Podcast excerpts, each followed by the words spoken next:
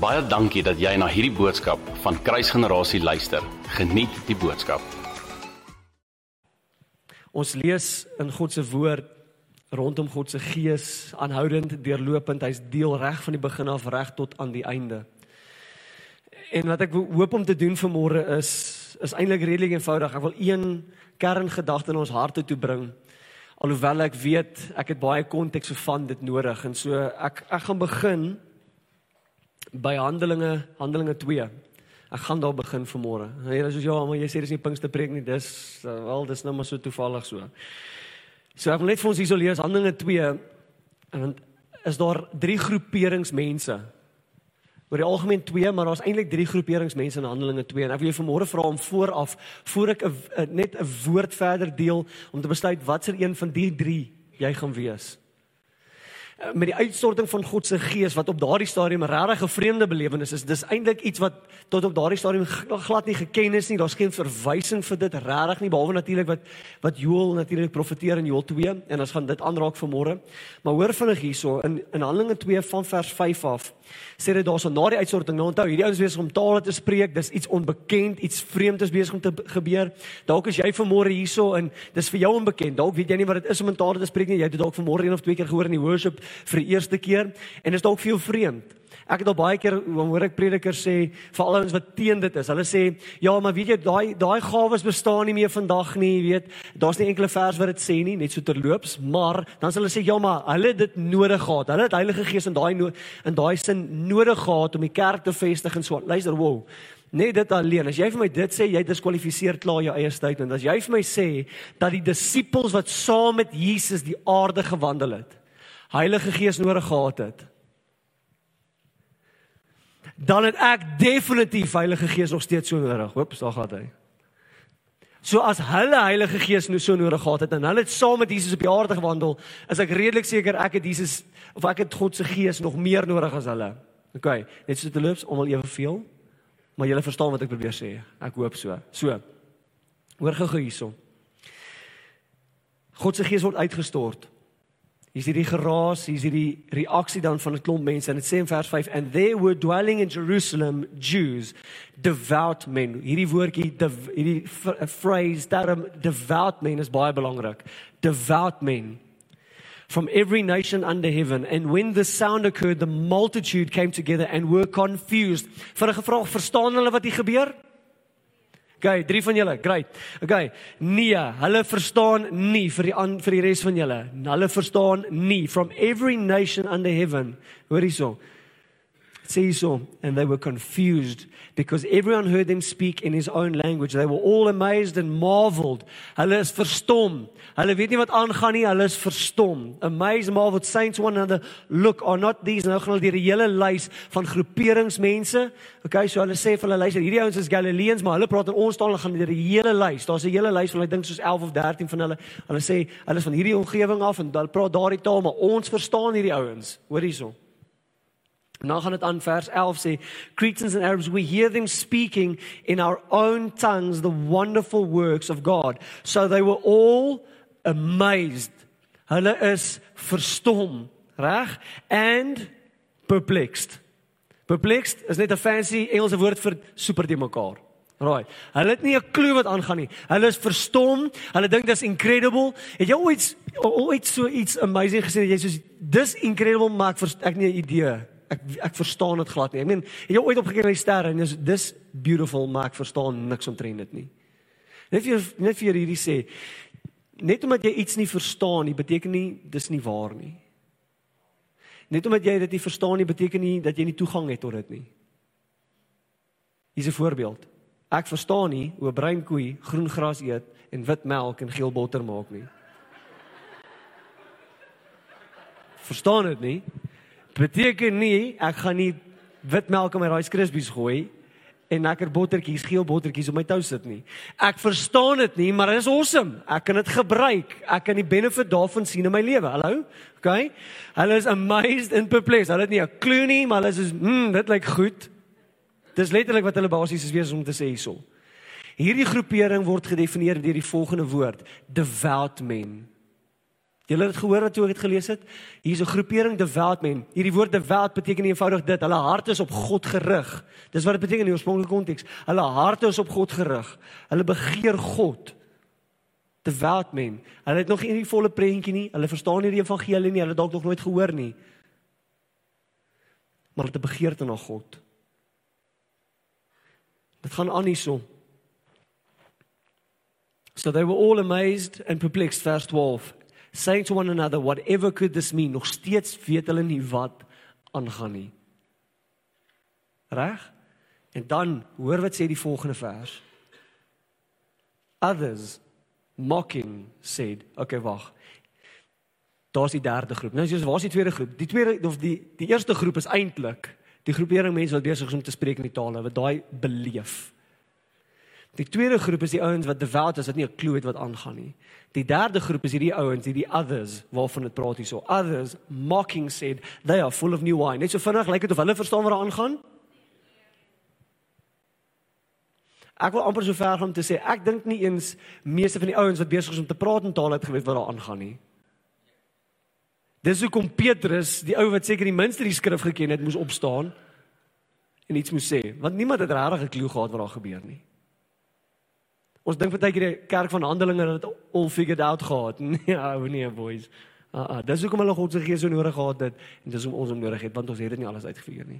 Die punt van môre en wat ek waarmee ek wil begin is ons het nodig om 'n besluit te maak nou in hierdie oomblik. Ten minste uit hierdie twee groeperings uit, wat se een van die twee gaan jy wees? Is your heart going to be set on God to receive what he has? Is your heart going to be set on God in a way that that actually positions you to have heaven pour through your life? Terwyl jy nie verstaan nie? Of gaan jy net sê, "Mm, dis weird, ek wil nie, nee, dankie." Wat sê een van die twee gaan jy wees? Ek hoop so. So. Ter inleiding Matteus hoofstuk 3, Matteus hoofstuk 4. Ek gaan dit nie vir julle lees nie, ek gaan dit vinnig na dit verwys. Ek gaan te lank by dit stil staan. Matteus hoofstuk 3, Matteus hoofstuk 4, Matteus hoofstuk 5, 6 en dan Matteus hoofstuk 10. Gebeur daar iets interessants. Matteus 3 word word uh, Johannes die Doper vir ons introduce. Hy kom na vore. Sy bediening begin. Nou vir die wat dalk nie weet nie, Johannes die Doper word deur Jesus self na verwys as die grys van al die profete. Ek dink pers persoonlik dat die rede daarvoor is dat hy's besig om die Ou Testament af te sluit en hy's besig om die Nuwe Testament in te usher. Dis een van die primêre redes, maar hy maak hierdie uitspraak hy sê die grys van al die profete. En Johannes die Doper begin preek en sy bediening word so, so soos volg opgesom. Matteus hoofstuk 3, gaan lees dit. Hy dit sy bediening, sy bediening word so opgesom. Repent for the kingdom of heaven is at hand bekeer jou want die koninkryk van die hemel het naby gekom. Dis hoe sy bediening opgesom word Matteus hoofstuk 3. Matteus hoofstuk 4 begin Jesus, onthou, Jesus word gedoop deur Johannes die Doper. Hy gaan die woestyn in en daarna begin sy bediening in Matteus hoofstuk 4. Die eerste ding wat dit sê omtrent Jesus se bediening, sy bediening, sy sy prediking word so opgesom: Bekeer jou want die koninkryk van die hemel het naby gekom. Presies dieselfde woorde wat Johannes die Doper gepreek het. Die opsomming is presies dieselfde. Matteus hoofstuk 5 sien jy natuurlik die bergpredikasie, een van die profoundste teachings wat Jesus natuurlik bring is die bergpredikasie want daar natuurlik wys hy vir ons hoe die koninkryk se lewe lyk. So jy sien daarso hy begin dadelik met hoe die koninkryk lyk. Dan sien jy Matteus hoofstuk 6 leer hy sy disippels hoe om te bid. Wat bid hy? Wat leer hy om te bid? Hy sê ons Vader wat in die hemel is, laat U koninkryk kom Laat U wil geskied, soos in die hemel so ook op die aarde. Is ek reg? Hallo, is julle met my? Ek wil vinnig vir julle 'n prentjie skets. Wat is Jesus se klem onmiddellik in Matteus hoofstuk 3, 4, 5, 6? Koninkryk. Dan stuur hy sy disippels uit, Matteus hoofstuk 10. Gaan lees dit. En hy stuur hy sê sy disippels en hy sê vir hulle gaan preek die koninkryk. God het 'n begeerte dat sy koninkryk hier op aarde nie net geken sal word nie, maar gevestig sal wees. Hy het 'n begeerte dat die onsigbare realiteite van die koninkryk, want kom ons wees eerlik, wie van julle weet hoe lyk die koninkryk meen presies? Ek dink baie min van ons het kan ons vinger net weer nog op sit, maar daar's daar's elemente daarvan wat ek sê, okay, ja, dis dis iets van die koninkryk. Okay, dis iets van die koninkryk. Jy hoef nie eens gered te wees om dit weer nog om dit te kan raak sien. Jy kan sê, okay, dit is iets wat lyk soos wat Jesus van sou praat. Die punt wat ek probeer maak hierso is dat ons sien dadelik dat God het 'n begeerte om sy koninkryk op aarde te vestig wanneer jy Matteus lees. Gaan vir my Genesis 1 toe.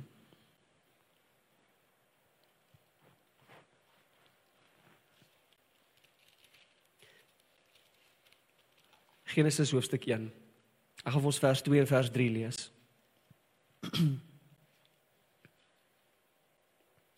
Want ek weet natuurlik die vraag is okay. Daar is dis great. Ek verstaan God wil sy koninkryk vestig hier op aarde. Ek ek ek verstaan dit. Ek het dit dalk van tevore gehoor. Ek ek stem 100% saam. Maar hoe? Hoe doen God dit? Julle vra amazing vrae vanmôre. Julle so engaging is great. Okay. Vers 2 sê the earth was without form and void. Okay. He's niks. Dis niks.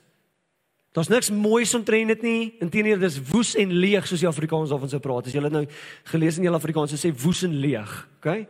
Reg?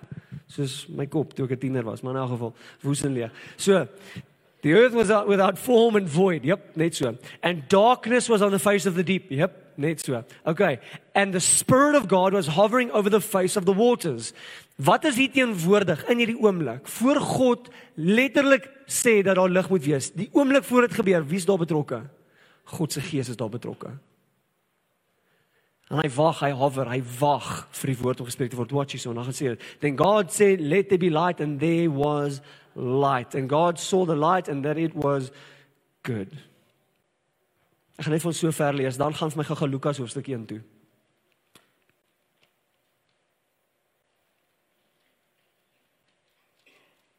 Net so interessant, hy Lukas skryf die boek van Handelinge ook. In Lukas hoofstuk 1 word Jesus se se geboorte geprofeteer. Die engel inteenlik kom na Maria toe sê vir haar jy gaan swanger raak met die Messias. En sy haar haar haar reaksie, ek dink is 'n uh, interessante een. Sy sê nie dis onmoontlik nie, sy wonder net hoe dit gaan gebeur. En in vers 34 sê sy die volgende of sê Then Mary said to the angel, "How can this be since I do not know a man?" Nou vir die groot mense die do not know a man is presies waarvan jy dink. Sy ken hom nie so nie. Reg? Sy het 'n paar mans geken. OK? Sy het hom nie so geken nie. So met ander woorde, ek is 'n maagd. Dit is onmoontlik vir my om 'n kind te hê. Ek het nie 'n man nie. Ek kan nie 'n kind hê nie. Hoor, hoor wat gebeur hierso. Vers 35. Then the angel answered and said to her, "Wie is hier betrokke? The Holy Spirit will come upon you, and the power of the highest will overshadow you. Therefore, also that Holy One who is to be born will be called the Son of God. Met ander woorde, Heilige Gees gaan oor jou kom en dan gaan jy 'n seun baar as gevolg van sy teenwoordigheid oor jou. Sien, daar's nie 'n enkele ding. Ons is geneig om te dink dat Heilige Gees hierdie intangible presence is, hierdie hierdie onsigbare realiteit rondom die koninkryk van God is. Maar wat as ek vir jou sê dat Heilige Gees reg deur die geskiedenis, ek meen dink net gou-gou so aan, miskien moet ek dit so sê. As jy Galasiërs 5 gaan lees, dan sien jy die vrug van die Gees, reg? Galasiërs 5 vers 22. Sê ons so dit praat van die vrug van die Gees. Ons lees 1 Korintiërs 12, dan lees ons dan lees ons oor die gawes van die Gees. Wie weet dat wanneer ek liefde betoon, is dit 'n manifestasie van 'n onsigbare realiteit. Maar iemand kan dit sien. Jy sien liefde. Jy voel nie net liefde nie, jy sien liefde. Hallo, is julle met my? Reg?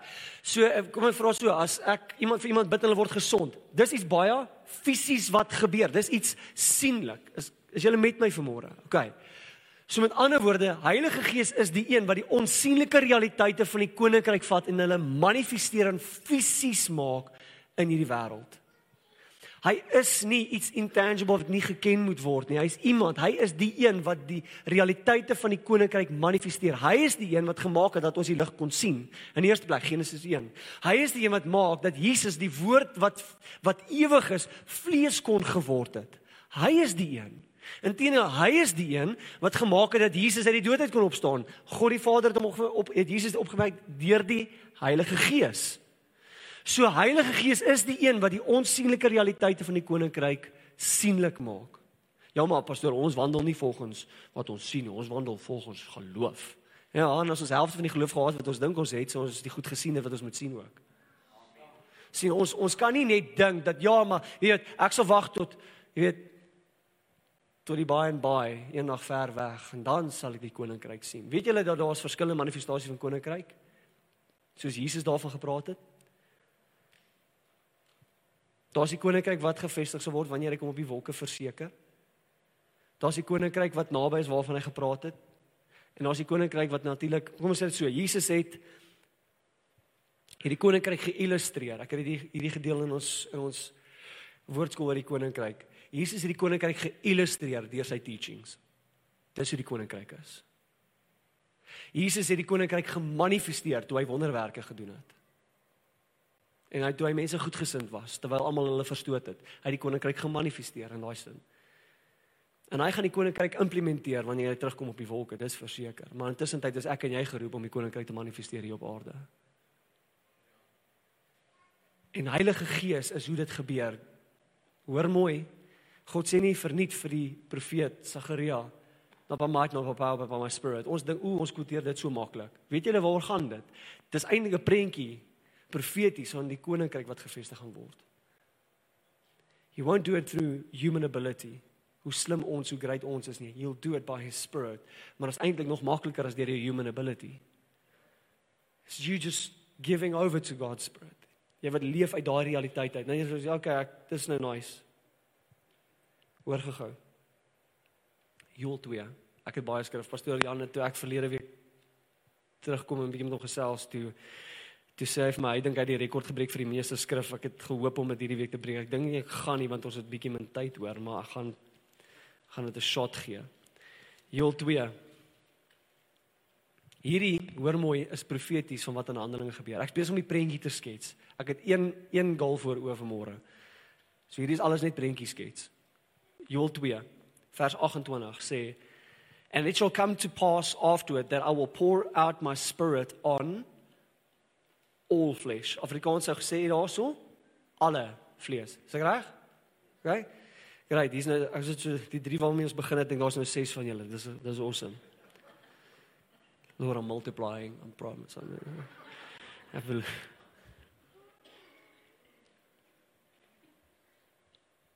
And it shall come to pass afterward that I will pour out my spirit on all flesh. Your sons and daughters shall prophesy. Your old men shall dream, dream, uh, dream dreams, and your young men shall see visions. Gaan sommer vers 29 lees. And also on my, my men servants and on my maid servants I will pour out my spirit in those days. Hoor hier. Hierdie is geprofeteer baie baie lank voordat dit actually gebeur. So ek wil julle moet verstaan, ek gaan nie vir julle sê hoe lank nie, dit is eintlik nie te sprake maar wie verstaan hierso? Daar's daar's tyd wat verbygaan. Hierdie is lank terug geprofeteer, nou staan hulle in hierdie oomblik en God se gees word uitgestort en dan staan Petrus op nadat niemand weet wat aangaan nie, nadat hierdie ouens sê hulle is dronk met wyn, reg? Staan Petrus op in Handelinge 2 en van vers 14 af lees ons die volgende. Sê but Peter standing up with the 11 raised his voice and said to them men of Judea and all who dwell in Jerusalem let this be known to you and heed my words for these are not drunk as you suppose since it is only the third hour of the day. But this is what was spoken. Met ander woorde wat is dit? Okay vinnige les in Engels. Okay in Afrikaans as jy die Afrikaanse Bybel op het. Hierdie is past tense. Hallo. Verlede tyd. Okay Reg? Julle lyk nie impressed nie. Dis veronderstel om impressed te wees wat dit beteken. Hy het dit lank terug gesê. Ek is nou in die oomblik besig om vir jou iets te getuig. Dis lank terug gesê, ek is hier, julle soos is hierdie ou is boring. Bly, bly saam met my. But this is what was spoken by the prophet Joel, verse 17, and it shall come to pass. Dis presies wat Joel gesê het. Ja, van julle sê ja, get over, dit kom by die punt. Nee nee, hierdie is die punt. Hierdie is die punt. Wat sê hy hierso? Joel het gesê and it shall come to pass. Wat is Petrus besig om te sê? It has just come to pass. Okay, ek slaap.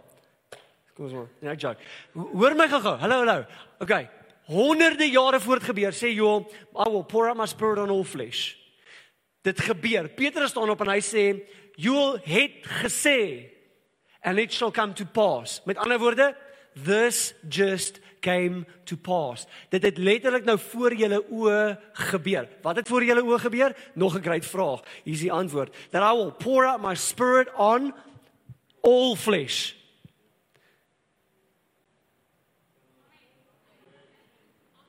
Die Here dit lyk nie so nie.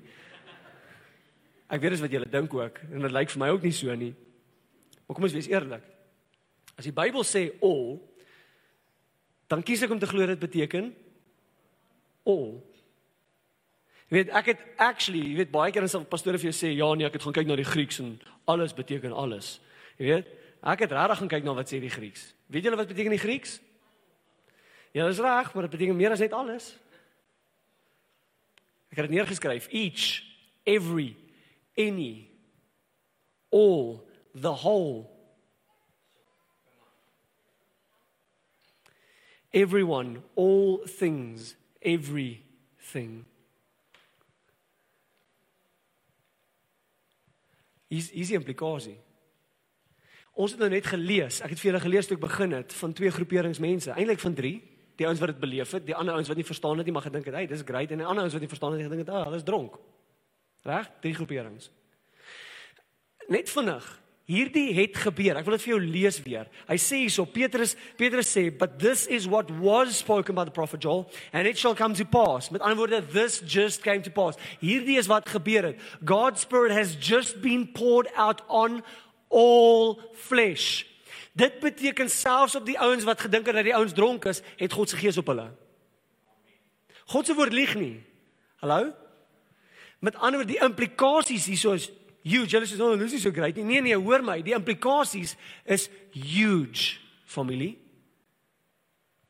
Ek weet van julle vra vra, ja maar, nie almal kan die Heilige Gees hê nie. Sê Romeine 8 nie vir ons that if you don't have the spirit you don't belong to Christ. Sê dit nie dit nie? Ja, weet julle daai woord have wat daar staan, net so net terloops. Daai woord have beteken om te echo. Dis eintlik wat dit beteken. Met ander woorde, I don't resonate with Holy Spirit. Om eintlik te sê, nee.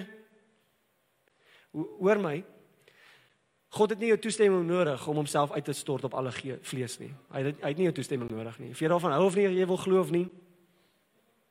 Ja, prys die Here oom. Hy het nie jou toestemming nodig om dit te doen nie. Hy het dit gedoen. Of jy wil glo of nie, of jy met my wil saamstem teologies of nie. Ek meen, jy gaan my moet wegredeneer dit. Nou hoor my, ek sê nie vir jou dat God sy huis maak in almal nie. Ek sê vir jou hy het sy gees uitgestort op almal. Nou as jy sê, okay, maar dis nou nice en alles, maar wat is die implikasies? Die implikasies familie is eerstens 2 Korintiërs hoofstuk 5 vers 16. Skryf Paulus iets wat my mind blaas en ek het dit al 'n paar keer gekwoteer, maar ek gaan dit vanmôre weer kwoteer want ek dink dit is belangrik. Hy sê in 2 Korintiërs 5 vers 16 that therefore I I, I no longer know any man according to the flesh I resolve to know no man according to the flesh. Met ander woorde, ek gaan nie na enige mens kyk. Hoor my, hy praat hier van heidene en gelowiges. Ongelowiges en gelowiges. Ek sal na niemand kyk en my opinie rondom hulle vorm gebaseer op wat ek sien in die vlees nie. Met ander woorde, ek gee nie om hoe hy wandel op aarde nie. Ek gee nie om waarmee hy homself besig hou nie, hoe geregtig of ongeregtig hy leef nie. Ek gaan kies om hom nie te ken volgens wat hy doen in die vlees nie. Nou dis 'n baie bold statement, want ek weet nie van julle nie, want na dit het 'n paar weird goed gebeur op aarde. Ek dink aan Mussolini, Stalin, Hitler. Ek weet van julle soos, ooh, daai ons kon nie God se gees op hulle gehad het nie. Jy op die Bybel? Hoekom is dit vir julle so moeilik om te antwoord? Julle soos ek weet nie meer nie. Antwoord is nee, die Bybel jok nog steeds nie. OK. Die implikasie hierso is en hoor mooi. Ek gaan terug aan Johannes die Doper gaan en hy sê in die begin, hy sê behold the lamb of God that takes away the sins of the world. Net so terloops jy is ingesluit by the world. Almal sin. Beteken dit almal is gered? Nee. Ek's nie een van daai man paras nie, so relax. Okay. Die punt hierso is dat jy het 'n keuse, gaan jy submit tot daai realiteit of nie? Jy het die keuse. Dit verander nie wat God gedoen het nie. God is nie besig om te wag in die hemel soos, "Jo, ek dink hulle het nou genoeg gevas en bid. Okay, daar's my gees nie." Familie. Dis iets wat gedoen is. En hoor my, yes, there are outpourings and yes, there are moments of refreshings. Dis verseker, so ek kan dit vir jou in handelinge wys, maar hoor my, God se gees is op alle vlees uitgestort. En ons is vandag besig met Here stort die gees uit op alle vlees. Hy sê so, oh. dan ek het dit gedoen. Jy wat nee my my my kinders het hierdie geneigtheid. Ek het ek het twee beautiful kinders. As jy hulle gesien het al, dan weet jy hulle is beautiful. Hulle is vrek stout, maar hulle is beautiful. En ek is mal oor my kinders. Reg en so ek love dit om hulle te te bless met geskenkies en goedjies vir hulle te doen. Ek love dit. Regtig, ek ek's mal daaroor. Maar kan ek vir julle sê wat frustreer my verskriklik? Is wanneer ek my kinders as dit 'n verjaarsdag is of so iets en iets wat hulle al vir 'n lang tyd soek. Weet Joshua, ons seentjie is mal oor PlayStation, so jy weet PlayStation games en daai klas van dinge is nogal stok, jy weet, gifts vir hom. So net sodat julle weet, hy hy het klaar vir jaar. Dis nie 'n skimp nie, ek beloof. Alraai. Die punt is wat ek verpes terwyl ek so lief is vir hom, is wanneer ek nou net vir hom, hy het nou net sy geskenke oopgemaak. En is goed wat hy wou gehad het. Dis goed wat hy begeer het. Hy soek dit al lank. Dit was op sy lysie. Nou het hy dit. En die oomblik toe hy dit oopmaak, hy sê: "Jo, wanneer is dit Kersfees?"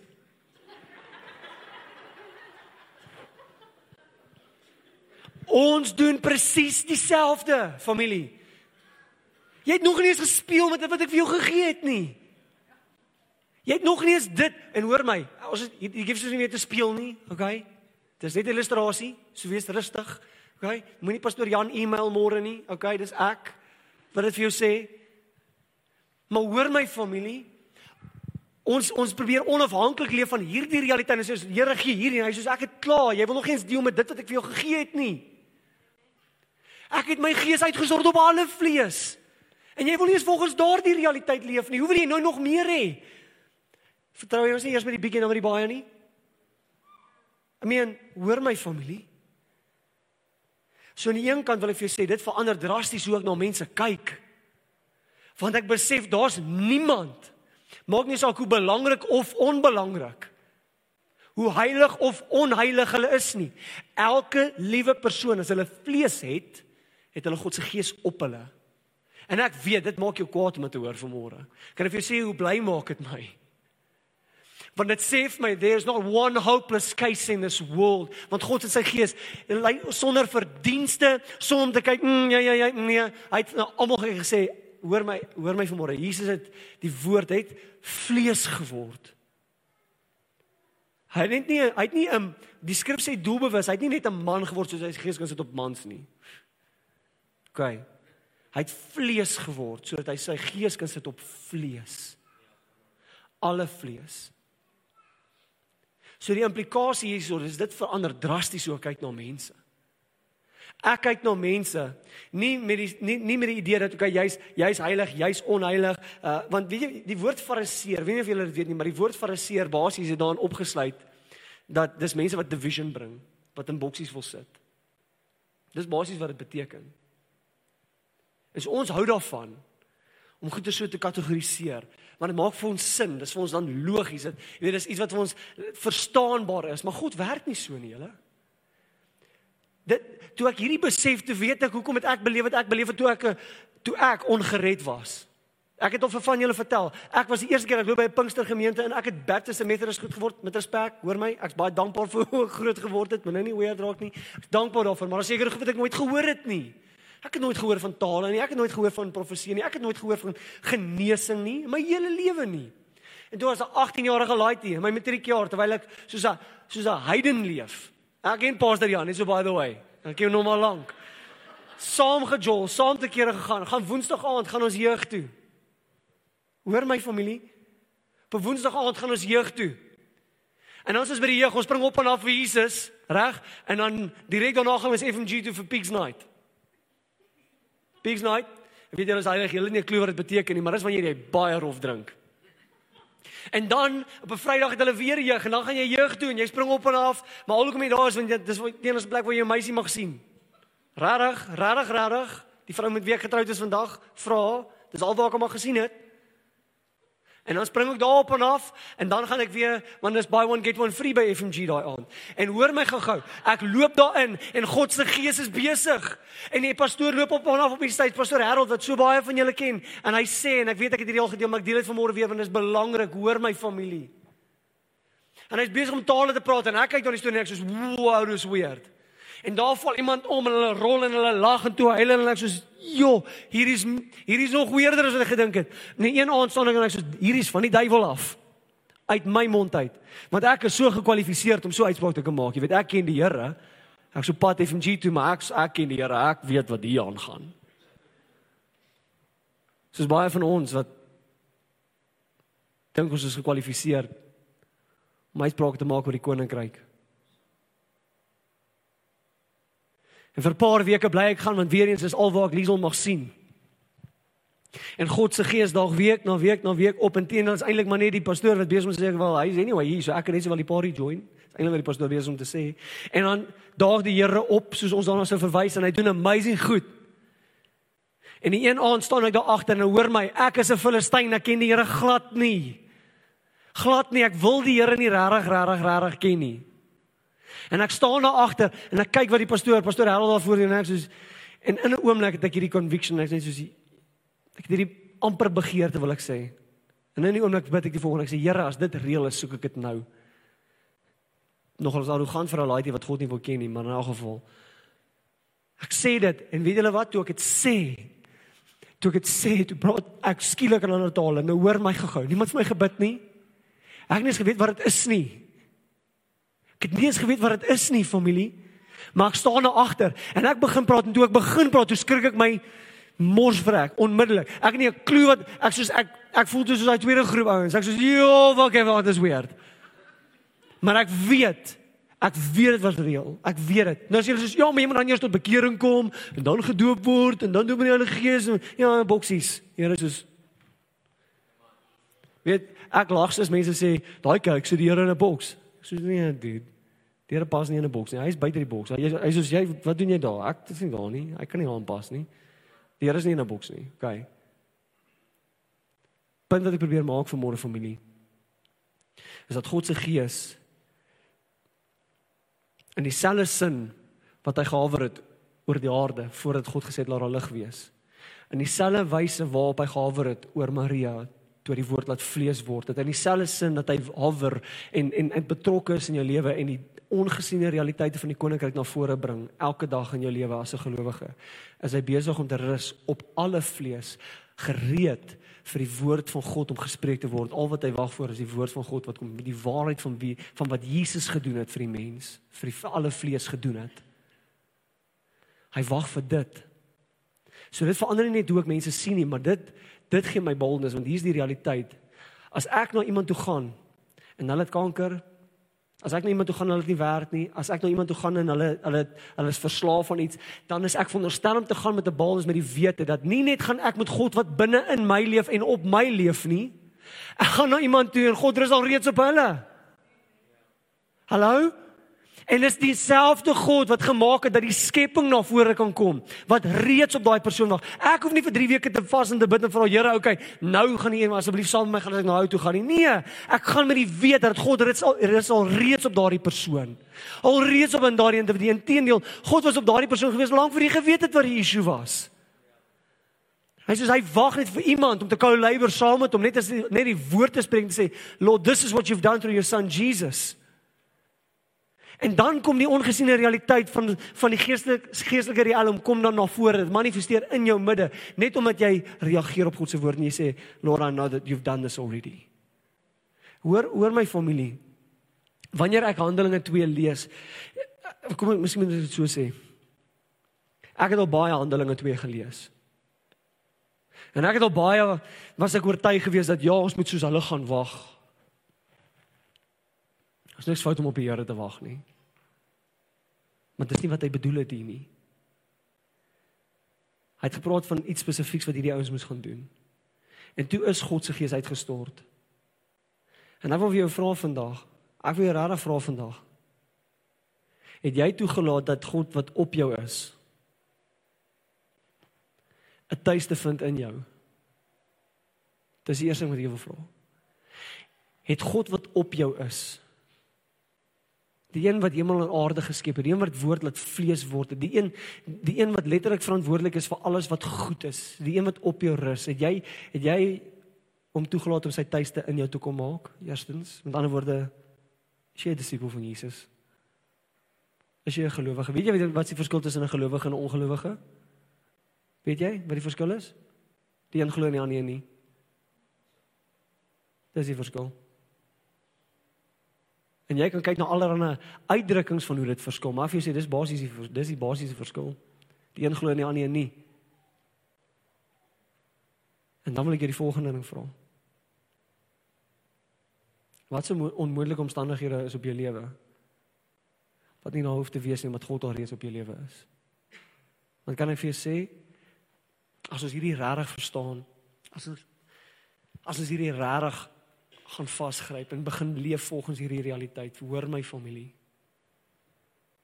As God se gees op jou is, dan kan kanker nie meer op jou bly nie. Weet julle nie dat die duiwel word na verwys as die vader van leuns? OK, Jesus is die weg, die waarheid en die lewe. OK, is julle met my? OK. Jesus sê nie hy is 'n waarheid nie.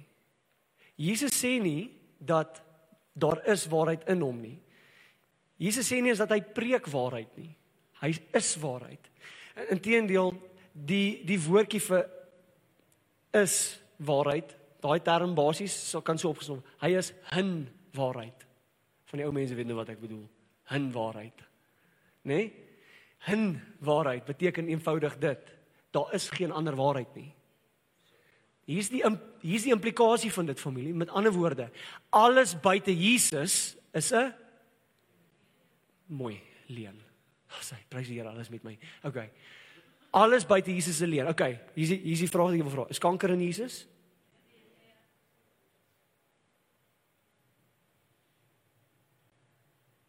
Ek hoor, jy moet my twee rand want ek hoor 'n penny drop. Ek hoor ek hoor dit. Hoor gou-gou.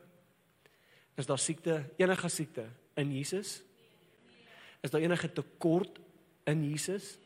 Wat beteken dat alles, hoor mooi, alles wat ons so treiter, alles wat ons vir ons so moeilik is, elke siekte, elke krankheid, elke tekort in ons lewens is 'n manifestasie van 'n leuen.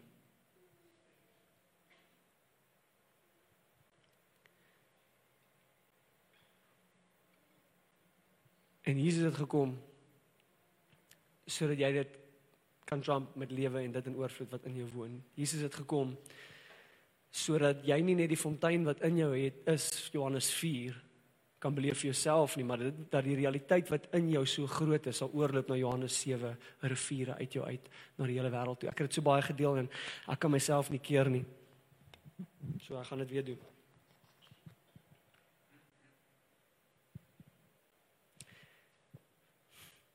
Hierdie is die realiteit waarvolgens jy moet leef. Die fontein binne in jou is veronderstel om te word die rivier uit jou uit. Dis jy. Dis jy. Dis jy familie.